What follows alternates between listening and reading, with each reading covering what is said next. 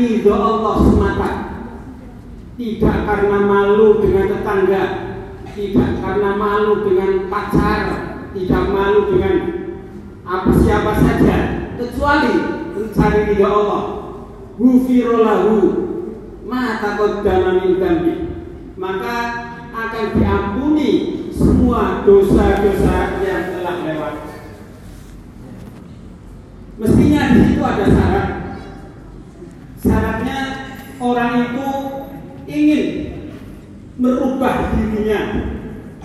Jadi dari kejahatannya menuju kebaikan.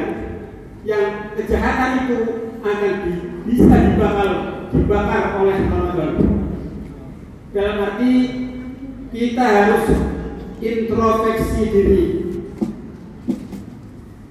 kita harus kita mengoreksi orang lain. Jangan kesalahannya orang lain selalu tampak di mata kita. Sementara kita belum bisa melaksanakan kebaikan-kebaikan itu. Ini syarat yang pertama, syarat mutlak untuk bisa dibakarnya semua dosa-dosa yang telah kita lakukan. Dan juga keuntungannya dalam bulan Ramadan ini sunnah-sunnah yang dilakukan di dalamnya bulan Ramadan itu pahalanya dihitung sebagaimana kita melaksanakan ibadah wajib di selain bulan Ramadan. Sunnah yang dilakukan di dalamnya bulan Ramadan pahalanya sama dengan pahala wajib yang dilakukan di luar Ramadan. Dan hadis itu dijelaskan man qama Ramadan imanan wa ihtisaban ghufira lahu ma taqaddama min dhanbi.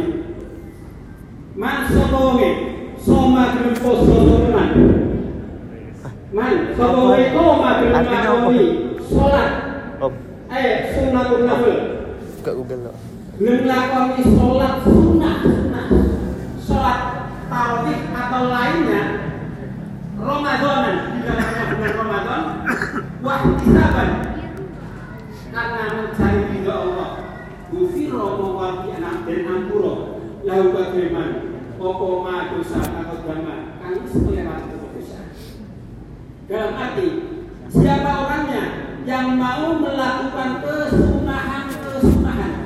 Terutama sholat sunnah tarawih dan lain-lainnya Maka sholat sunnah yang dilakukan dalam bulan Ramadan itu akan dihitung, akan bisa melebur dosa-dosa yang telah kita lakukan.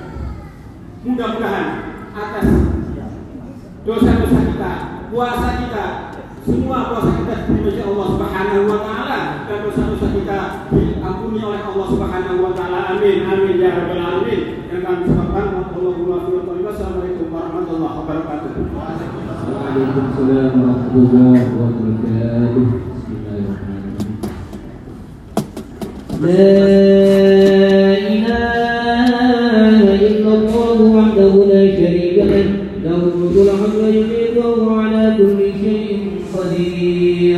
La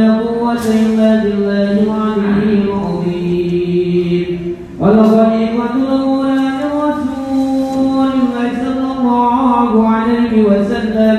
أمير المؤمنين سيدنا أبو بكر الصديق. اللهم صل على سيدنا وحبيبنا وسيدنا ومولانا محمد. وارجو الله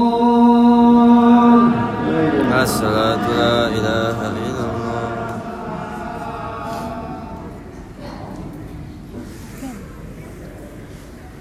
الله